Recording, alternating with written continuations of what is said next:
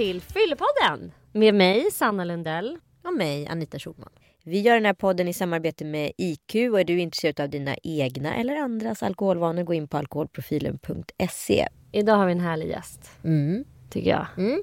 Lite läskig gäst på något sätt.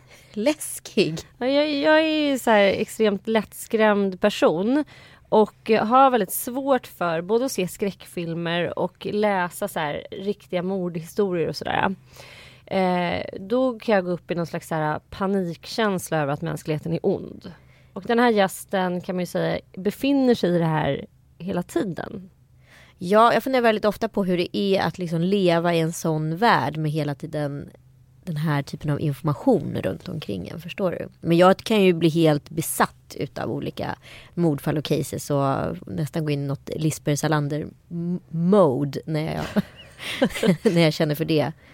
Så det är väldigt kul tycker jag att vi har den här gästen. Verkligen. Varmt välkommen Hasse Aro.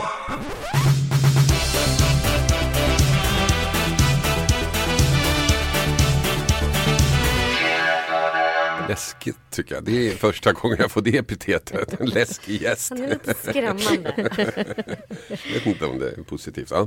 För när jag satt och fnulade här lite grann på, på dig och ditt liv och hur du liksom lever. Så, för jag är ju väldigt lättskrämd och jag vågar ju till exempel inte se en thriller ensam hemma själv. Börjar jag läsa om så Anders Eklund och Engla, då känner jag så här, mänskligheten är ond, jag kan typ inte lita på någon.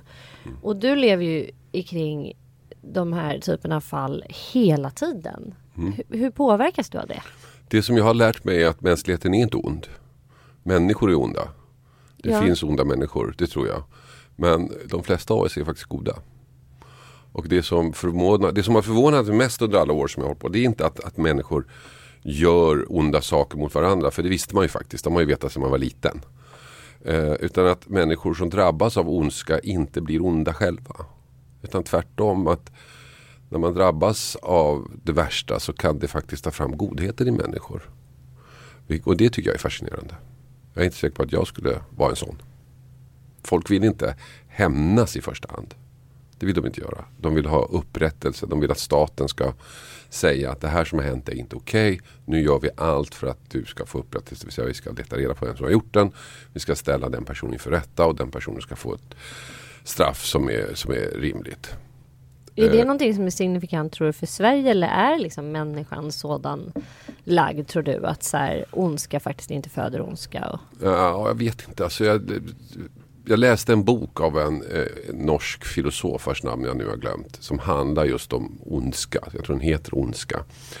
Extremfall då när man hamnar i till exempel Jugoslavienkriget under tiden när folk plötsligt skjuter sina grannar och, och Rwanda och sådana här saker. När liksom det här verkligen är extrem ondska eller judeförföljelserna under andra världskriget. Där vanliga människor, människor som liksom i allt i övrigt lever ett helt vanligt liv. Plötsligt rycks med av det här. Och blir onda. Och eh, det där är intressant tycker jag. Men jag tror, eller jag, jag, jag är övertygad om att man vet när man är ond. Jag tror inte att liksom, man kan snacka bort det. För man har gjort ett val. Det är inte så, det är, det är klart att det finns extremsituationer kanske. Men i de allra flesta fall så vet man det, att det här som jag gör nu, det är fel.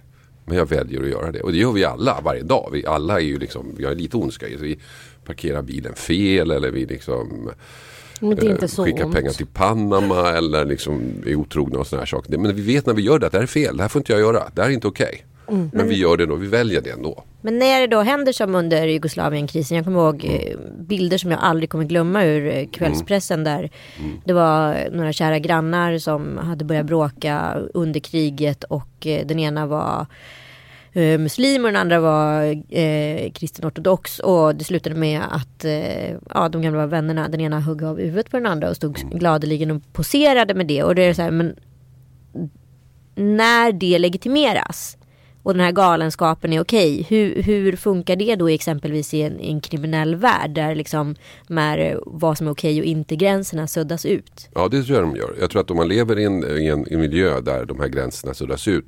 Så tror jag att, eh, att man påverkas av det. Jag tror att man, man, man kanske dödar lättare. Man kanske eh, gör saker. Det blir, liksom, det blir någon slags spiral som blir bara värre och värre och värre. Det tror jag att det finns. Eh, det finns ett fall uppe i Boden där två killar, eller var de tre killar som halshögg sin kompis och sen så filmade och skrattade och höll på med, med, med huvudet där. Och det är ju det är väldigt svårt att fatta. Man fattar inte det, hur kan man göra det? Och då, det där tycker jag också är intressant och jag har inget svar. Var går gränsen? När, när rycks man med? Liksom? Det, för jag tror att det du säger legitimerar. Att man legitimerar ondskan, vilket sker vid sådana här mass när folk blir helt uh, tokiga som, som i Jugoslavien eller Rwanda eller uh, andra världskriget. Liksom. Då, då, tror jag att man, eh, tröskeln för, för vad man kan göra sänks. Absolut. Och för att det legitimeras. För att det liksom är okej. Okay, men för att det ska funka, då tror inte jag man kan från en dag till en annan säga att nu, nu ska vi bygga koncentrationsläger här och skicka dina grannar till. Är det okej? Okay? Nej, det tycker man inte okej. Okay. Men när man väl gör det, då har det här stegrats under så lång tid. Mm. Så att man så att då tycker man det är okej när, när det beslutet fattas. Men det börjar ju med att man beskyller dem för att ha snott alla pengar i världen och, och så här. Så att det, det byggs upp tror jag. Men det är ja, det som är lite skrämmande nu i dagsläget när man mm. känner att så här, steg för steg mm. för steg så börjar man så demontera en gräns liksom för vad som är okej och inte. Det tycker jag också och det tycker jag eh, så i debatten till exempel hur man, hur man eh, möter varandra i, i debatten och liksom det här med näthat och sånt där. Och det tycker jag, det som jag tycker är skrämmande är att det, det, det accelererar på alla fronter. Man kan inte säga att det är bara de som accelererar. Man kan inte säga att det är extremhögern som accelererar. Nej, utan det, blir ju... det är ju extremvänstern också. Och mm. de legitimerar varandra på något sätt. Exakt.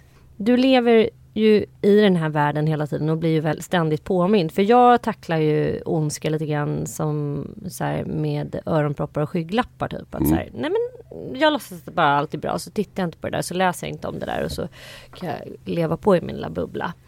Men du är ju i det där och har ju varit i det nästan i 25 år. Du ägnar ju hela ditt journalistiska värv åt crime och mm. brott. Mm. Eh, och mänsklig liksom, ondska eller vad man ska säga. Mm. Hur kommer det sig att du gjorde det valet? Var det ett medvetet val? att du Nej det var det inte. Det var ju som allt annat hade blivit en slump att jag hamnade i det där. Det var det verkligen. Eh, och Okej, okay, man rapporterar om det. Man ser att jag är väldigt Eh, jag är känslig för detaljer. Jag vill inte ha detaljer. Liksom. Jag vill inte veta exakt hur någon har huggit upp någon. Det, det räcker med att veta att, personen har gjort det. Jag vill inte liksom och ibland blir det för mycket. Ibland blir det för mycket. Just Änglafallet blir för mycket. Mer än man orkar ta in. Men i, om, man, om man ser då hela eh, kriminaliteten i stort och sätter in det i ett större perspektiv så säger det mycket om människor. Det säger mycket om moral, vilken moraluppfattning vi har just nu, hur har den förändrats än tidigare och vad är ett brott idag, kanske inte var ett brott tidigare och sådär saker. Och, och, totalt sett så blir det en bild av samhället, en koncentrerad, en nedkokt bild av samhället. Det tycker jag är intressant. Och därför så, jag fascineras av brott som har någon slags moralisk eh, moraliskt val eller någonting någonstans. Ge ett exempel. Jag, jag är inte fascinerad av gangsters till exempel. Nej. Gangsters kör omkring i, i liksom stora bilar blir jag bara så, åh, Jättetråkigt.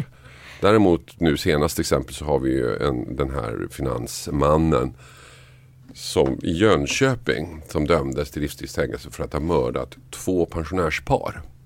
Han, han skulle förvalta deras pengar eh, trodde de men han levde upp dem istället och sen så när de ville ha tillbaka sina pengar som de trodde de hade investerat i fonder så såg han ingen annan utväg utan han eh, slog ihjäl dem och tände eld på huset. Och det dömdes han för. Två gånger. Han, han erkände det ena och det andra förnekade men han är dömd för båda. Mm. Båda fallen. Och det där kan jag det där kan jag ligga sömnlös över. För, för att i övrigt var han en helt vanlig medborgare. En framgångsrik medborgare dessutom. Hur, och han var inte tidigare dömd? Nej, eller? nej. och han är liksom hur, hur, hur funderar han? Hur kunde han liksom uh, Han levde ju en lögn. Ja. Uppenbarligen. Mm. Det finns ett annat fall i Frankrike som är otroligt fascinerande som heter Dr. Roman. Han var, det var en oh, doktor. Den romanen har jag läst. Ja. Den är skrämmande. Den är skrämmande och han lever då ett, ett till synes vanligt familjeliv. Han är läkare på, på WHO i Schweiz. Han bor i Frankrike. Och åker varje dag över gränsen till Schweiz för att jobba. Och för att han jobbar i Schweiz så har han då finanskontakter. Så att grannar och vänner och familj ger honom pengar som han ska investera i Schweiz. Liksom lite halvsvart sådär. Eh, för att, som de ska växa då. Och det här pågår ju åratal. Och sen så börjar det med att någon, ska, någon vill ha sina pengar. Ja. Och då finns inga pengar. Såklart. Såklart. Uh, och då rämnar jag, för han är inte ens läkare i WHO. Han är inte ens läkare, han har inget jobb. Nej. Han åker till Schweiz varje dag och så går han runt där på, i byggnaden. Eller ibland säger han att han ska på tjänsteresa. Då åker han till en flygplats och sover över där och så åker han hem. Allt är lögn I flera år. i flera år. Och Otroligt. när det här uppdagas då så mördar han sin mamma, sin pappa, sin fru och deras två barn. Och så försöker han ta livet av sig själv. Författaren som skrev den här boken menar att det var ett jävligt taffligt försök. Att det var kanske bara ett sätt att liksom komma undan det moraliska ansvaret. Men, eh, och det där kan jag också fundera på otroligt mycket. Hur funkar det? Ja, Skulle jag- jag kunna göra sånt? Skulle vi kunna det. göra sånt? Finns det en tröskel i oss? Som, som förhindrar oss att begå de här gärningarna? Eller kan vi alla hamna i ett läge där vi faktiskt skulle göra det? Vad Ja. tror du då? Nej, jag vill tro att det finns en tröskel. Men jag tänkte på en annan grej. Nu, nu, nu snöar vi in på det här för nu, jag blev så nyfiken eftersom vi har dig som gäst här. För jag eh, älskade ju ur, som ett fall, eh, Fritzelfallet såklart. För att det är ett väldigt intressant, Ja. perplext fall. Men där är det ju väldigt märkligt för där fungerade ju samhället på ett annat sätt. För att han hade ju faktiskt två våldtäktsdomar Ja. eh, och en mordbrand liksom i Okej. sitt register. Men liksom levde i sin lilla härliga by och alla så tyckte att han var en toppenkille i princip. Ja. Och hade varit liksom sexuellt förnedrat människor Mm. under lång tid. Och sen så var alla väldigt chockade över att det här inträffade. Hur funkar samhället då Ja, med en sån människa runt sig? Alltså när, när, när man börjar skydda någon så pass mycket så att man Fast blir dum i är det huvudet. så här, alltså, en, av, en av grundpelarna i rättssystemet är att har du avtjänat ditt straff så är du fri. Jo, Då måste du behandlas med respekt. Du kan inte gå runt och förakta folk. Det är ju själva poängen med systemet. Att, okej, Nu klarar vi upp det här. Du har gjort det här. Nu får du ditt straff. Men sen. Sen är man ju liksom en fri medborgare och, och är värd samma respekt som alla andra kan man tycka. Eller så funkar ju systemet. Men jag menar, det verkar ju vara så att människor tycker att vissa brott är okej. Där kan man sitta av ett straff. Typ så här, att man har rånat en bank till exempel. Då känns det som att man inte behöver vara bankrånare liksom, Nej. ända tills man dör. men det kan ju bli den här rockstjärnan efteråt till och med. Ja. Ja, eller någon en så här knarkdom. Eller alltså vissa typer av brott är helt enkelt lite mer okej än andra. Medan att vara pedofil.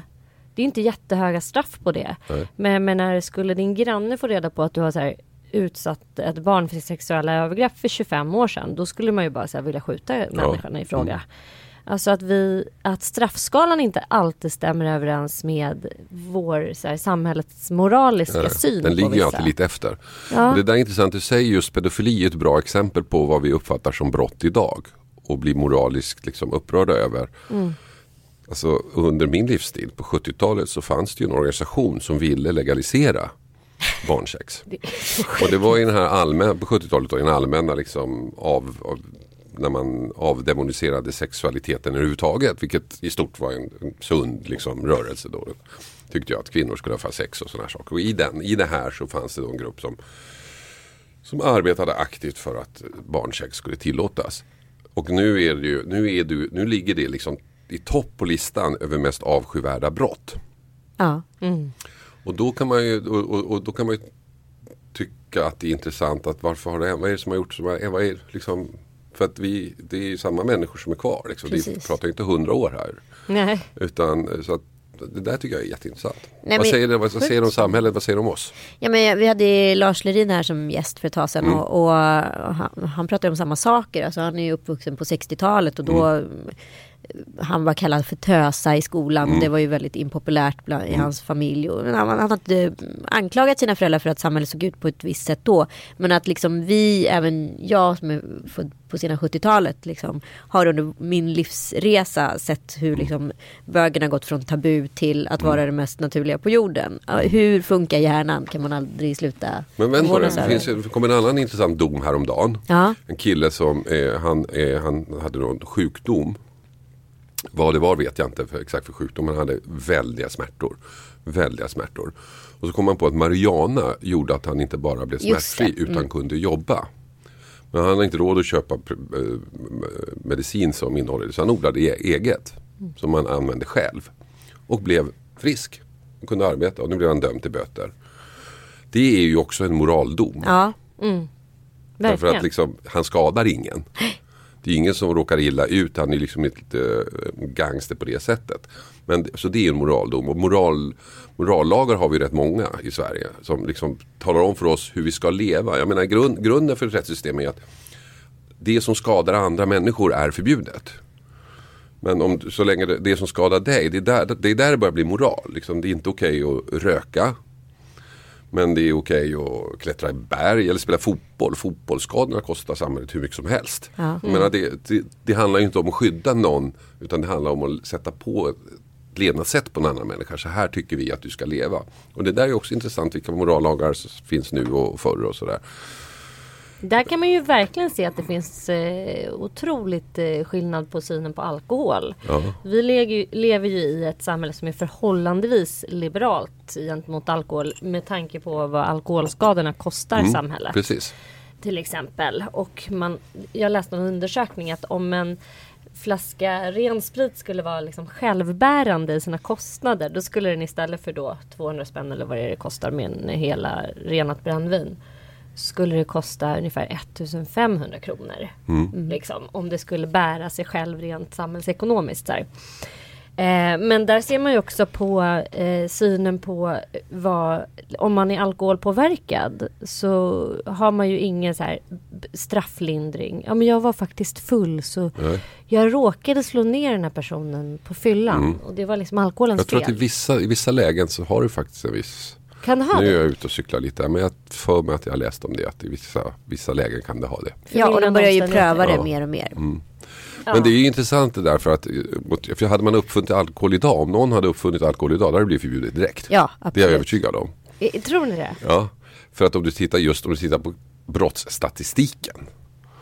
Hur många brott har inte begåtts på grund av alkohol? Jo, det är rätt mycket. Speciellt våldsbrott. Då, då är ju folk ofta fulla. Så i det perspektivet så skulle om vi skulle förbjuda det imorgon så skulle ju liksom brottsstatistiken sjunka drastiskt. Det gjorde den när vi hade motbok. Gjorde den det? Ja.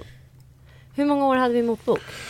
Oh, det vet jag inte. Det var faktiskt före min tid, tror det eller ej. Men det var före min 50-talet. Min, min eh, morbror brukar ofta prata om motboken. Mm. Han, jag tror han till och med har kvar motböcker. Men jag läste, jag läste någon, någon, någon artikel om det där.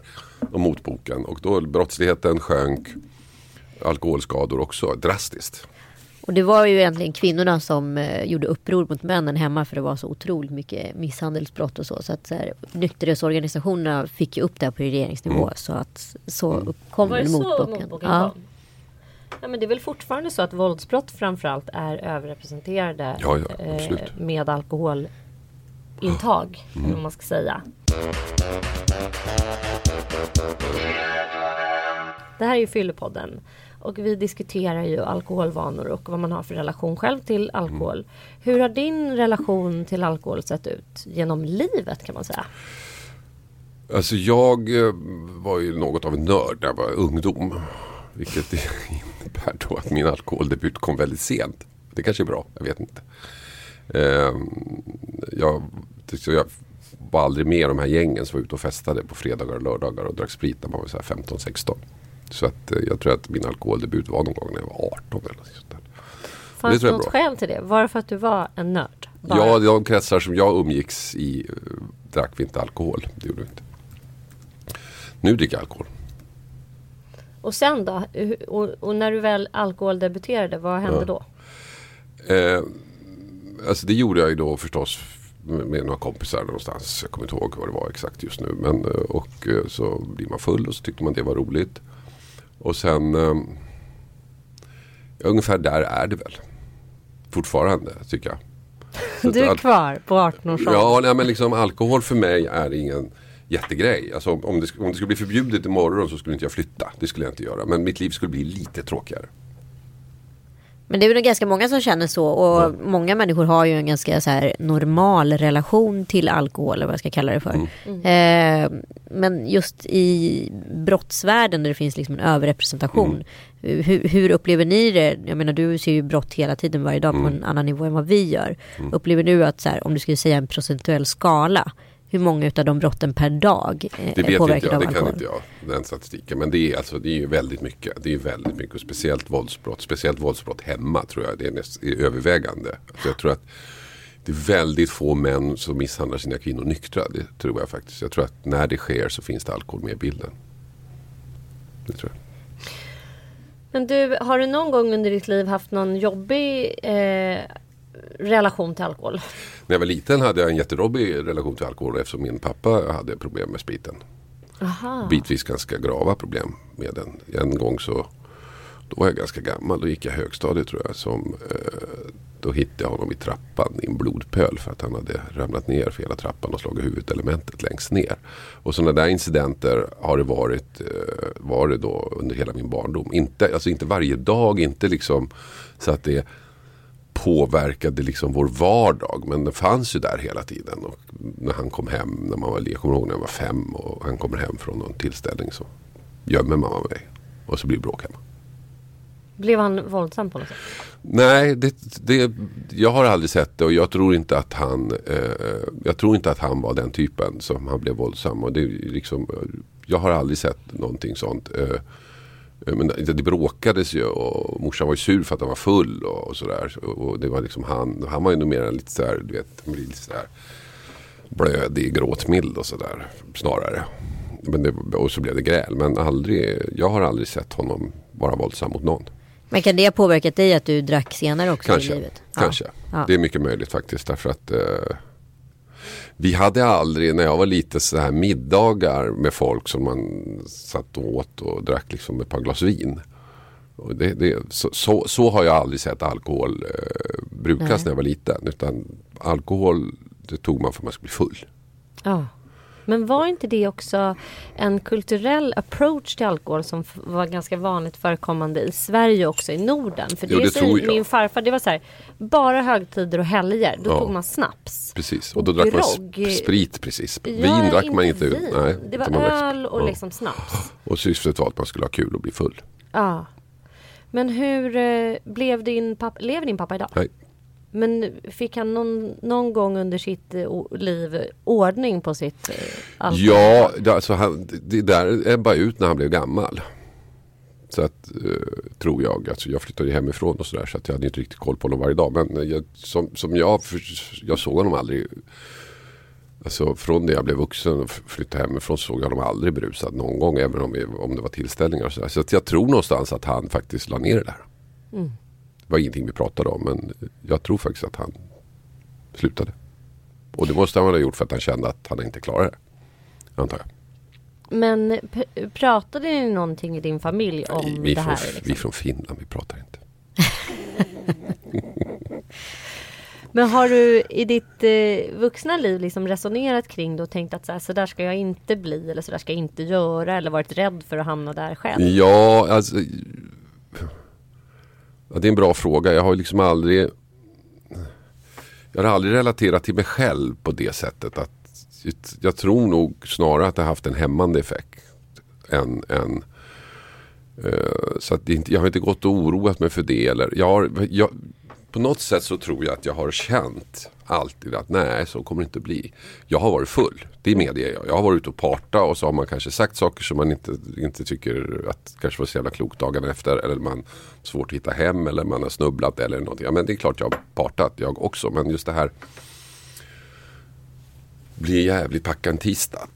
Där känner jag att där har jag aldrig Det har aldrig funnits risk för mig att bli det. Eller liksom eh, sitta och, och ta en återställare på morgonen eller något sånt där.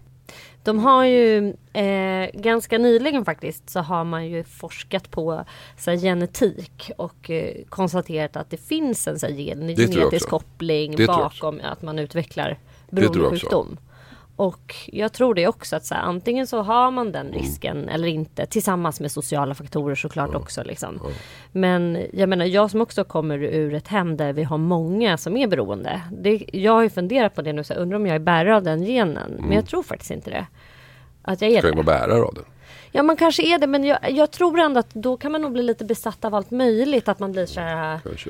Alltså att man blir, ja, vill så här in i saker eller överkonsumera saker överhuvudtaget. Jag tycker jag kan se, jag har ju tre barn. Jag kan se klockrent att i alla fall en av dem måste vara bärare på den där. Okej. Det är med allting. Det är med socker, det är liksom fotbollsspelande.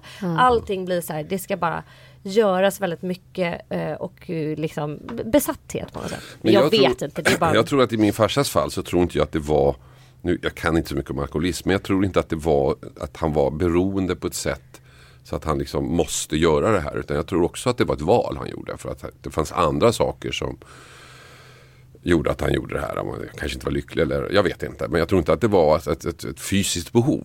Nej. Så, så, och, eh, och han i övrigt levde vi, eller han ett helt normalt liv sådär. Så det var inte så att han satt på bänken med A-lagarna och så. Utan, eh, utan det var ju då. Så att, och, och, jag tror att det finns olika former av spritberoende. Absolut. Du har självmedicinering. Det kanske var det han gjorde. Och så har, tror jag att det finns de som har ett fysiskt behov. Och måste. Ja, och ett sug som övermannar en som gör att man typ Mm. inte klarar av att hålla sig trots att man har, den Ja, intentionen. Precis. Liksom. precis. Ja men det är säkert så. Jag läste faktiskt en väldigt, väldigt spännande bok. Ett litet boktips som jag kan ge. Mm. Som heter Alkohol, droger och hjärnan. Det är en eh, svensk kille som jag tyvärr har glömt namnet på nu. Men jag kan skriva det på vår Facebook-sida va? Fyllepodden.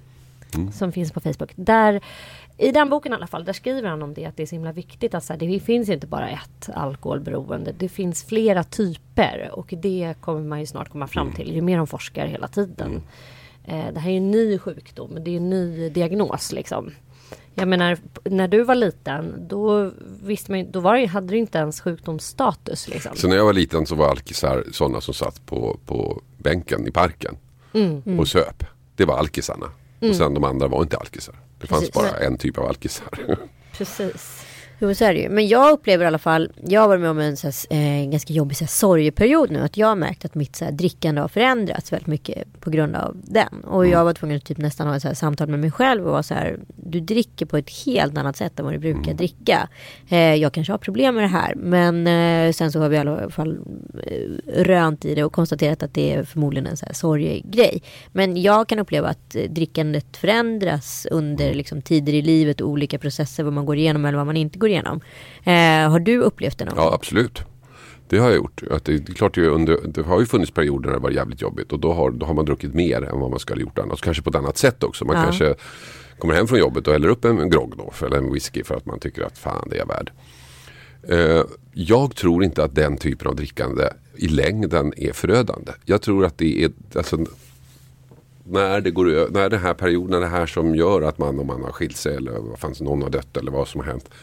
När den sorgeperioden klingar av så klingar också drickandet av. Jag är inte jag är inte av den åsikten att om man dricker för mycket under en period så är man alkad. Det Nej. tror inte jag. Jag tror att det, alltså, jag, det är som du säger att det här det är väldigt komplext allting. Medan det finns andra då som kanske också börjar dricka för att någonting har hänt.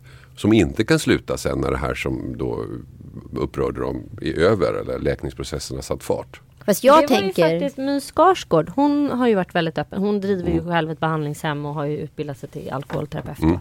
Och hon, eh, hennes alkoholism utvecklades ju precis efter att hon hade fått bröstcancer. Mm. Och det var också en sån här sorgeprocess för henne. Så hon började liksom dricka för att döva ångesten kring det där och dödsångest och allt det där.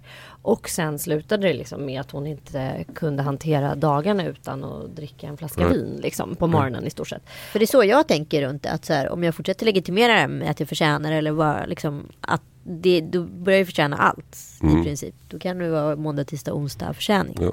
Det kanske är så för dig. Jag vet inte. Men jag Nej. tror inte att det är generellt. Jag tror inte man kan säga det. Jag tror inte du kan säga till din kompis som mår dåligt som dricker lite för mycket under en period att du måste sluta dricka annars blir alkis. För det är inte säkert att det är så. Nej. Utan det är så att sen slutar han dricka för att han mår bättre. Men det som förvånar mig ändå väldigt mycket det är ju hur eh, få människor samtalar om de här grejerna. Alltså hur eh, tabu det faktiskt fortfarande är. Dels om man inte dricker så får man frågan som kvinna, är du gravid? Eller liksom man ser, ser sig som apart och lite avvikande så här. Och eh, jag som så att säga är i den här branschen nu efter min dokumentärserie Djävulsdansen och jag är ute och föreläser om det. Jag pratar ju öppet och vitt och brett om det här hela tiden liksom. Men för alla är det inte så utan det är så här svåra frågor och svåra ämnen för många och det tassas på tå kring det där. Så jag tänker bara att du så här, väcker den frågan och tänker själv så här, "Eh, gud är det här verkligen sunt för mig nu eller så. Det är väl jättebra Anita? Ja, det hoppas jag i alla fall. Eller jag försöker åtminstone vara rationell och tänka utifrån hur jag brukar göra. Men det är så, det är, jag tänkte på innan jag kom hit. Eller när du ringde Sanna. Så tänkte jag liksom okej. Fyllepodden. Vi ska ju prata sprit förstås. Ska jag berätta om pappa eller ska jag inte berätta om pappa? Eh, men så tänkte jag, jo men det gör jag. Han har varit död så länge nu och alla i min omgivning vet om det här så det är liksom inte någon hemlighet för någon. Och samtidigt så tycker jag, därför att många av de historier man hör är människor som vars hela liv har raserats för att deras föräldrar har varit beroende av, eller knarkare eller någonting sånt där. Och, och så har det inte varit för mig. Det, var inte, det är inte så att jag tycker att han förstörde hela min barndom. Det tycker jag inte. Jag älskar honom. Han tillförde jättemycket min barndom. De här perioderna, eller de här, om det nu var perioder när allting var jobbigt. Eh, var ju klart också en stor del av, av, av, min ungdom. Och jag vet att jag någon jul när jag var jävligt liten sa till honom, bad om, för pappa drick inte nu i jul. Och det var nog fan den enda julen han inte drack. Så var det den julen. Uh, men alltså, det behöver inte vara, det behöver inte vara ett himmel eller helvete. Nej, Nej men Livet det ser inte ut så. Nej, det gör ju inte det. Nej. Och eh, jag tror att vi, de berättelserna och så uppväxtskildringar som vi får, om man nu tycker att det är värt att skriva en bok om det, då har det nog präglat ens liv väldigt, väldigt mycket. Mm. Liksom. Mm. Men de här berättelserna som du berättar nu är ju minst lika viktiga. Mm. Därför att så här, det är väl egentligen inte någon större skillnad på att ha en förälder som kanske är sjuk i någon annan sjukdom. Det kommer ju också prägla en på olika sätt. Mm. Alltså om man mm. har någon som är periodvis väldigt dålig i sin reumatism och ligger i smärtor liksom mm. en gång i månaden och inte kan röra ja, sig. Klart. Alltså det är klart att all, allt sånt där mm. påverkar en. Mm. Eh, och eh, det behöver absolut inte vara liksom svart eller vitt. Nej, jag hade en kom... kompis som, som, som vars mamma har jag förstått efteråt var alkis. Och hon var ju då borta i, i dagar. Alltså Försvann? För, nej, alltså borta i huvudet. Alltså ah, hon var okay. periodare på riktigt. Liksom. Mm. Eh, så det var inte bara en fest utan det kanske var en vecka eller två som hon var. Och då sa han att mamma, mamma är sjuk, att mamma hade någon sjukdom. Och det är klart att för honom måste det ha påverkat hans liv oerhört mycket att gå omkring och det, det, jag blev ju vuxen när jag fattade att nej hon var inte sjuk utan hon var alkad helt enkelt. Hon låg hemma och drack. Hon låg hemma och drack, precis. Mm. Och för honom tror jag att det var oerhört mycket mer traumatiskt än för mig. Det tror jag för många människor, för de allra flesta människor så är alkohol en positiv grej i livet. Man sätter sig ner och tar ett glas vin när det är varmt ute. Första, som nu till exempel, uteservering. Då är det en positiv, positiv upplevelse man har där och då. Och den ska man inte heller förakta tycker jag. Nej, verkligen inte. Nej, annars så skulle väl människor inte dricka om det bara ledde till något Nej, negativt. Precis, precis. Men det är ändå tycker jag coolt att man kan ha Alltså att man kan väcka frågan och förstå att det både finns, precis som att man kan må hur bra som helst av att ta ett glas vin så kan man ju också må dåligt. Alltså det förstärker ju och, så här, och också lyfta frågan att så här, det är en substans, en kemisk substans som faktiskt skulle kunna jämföras med andra droger. Mm, och hade precis. den som sagt liksom uppfunnits idag så hade den troligtvis inte blivit laglig. Liksom. Och att man tar lite ansvar över det som vuxen människa också. Och så här, mm. ja men det här påverkar mig. Det kan både vara kul och det kan vara tråkigt också. Mm. Men där har vi också det vi pratade om förut då. Att liksom vad, vad som är lagligt, vad som är olagligt, vad som är, vad som är liksom okej okay, och vad, vad, vad, man ser som ett brott. Och vad det säger om samhället. Därför det finns ju samhällen där det är förbjudet att dricka. Just. Mm. Alkohol är förbjudet. Exakt. Och om man skulle prata med en sån människa som, som tyckte att det här var bra så skulle de, tror jag, på ett jävligt bra sätt kunna argumentera för att det är bra. Ja, ja absolut. Att det, för, att det ska få fortsatt förbud. Ja. ja, ja. Absolut. Tack snälla du Hasse för att du kom till oss. Tack så mycket. Ja, tack. Jätteroligt. Och är man själv intresserad av sina egna alkoholvanor eller andra så kan man gå in på alkoholprofilen.se eller på iq.se. Och den här podden görs också i samarbete med IQ.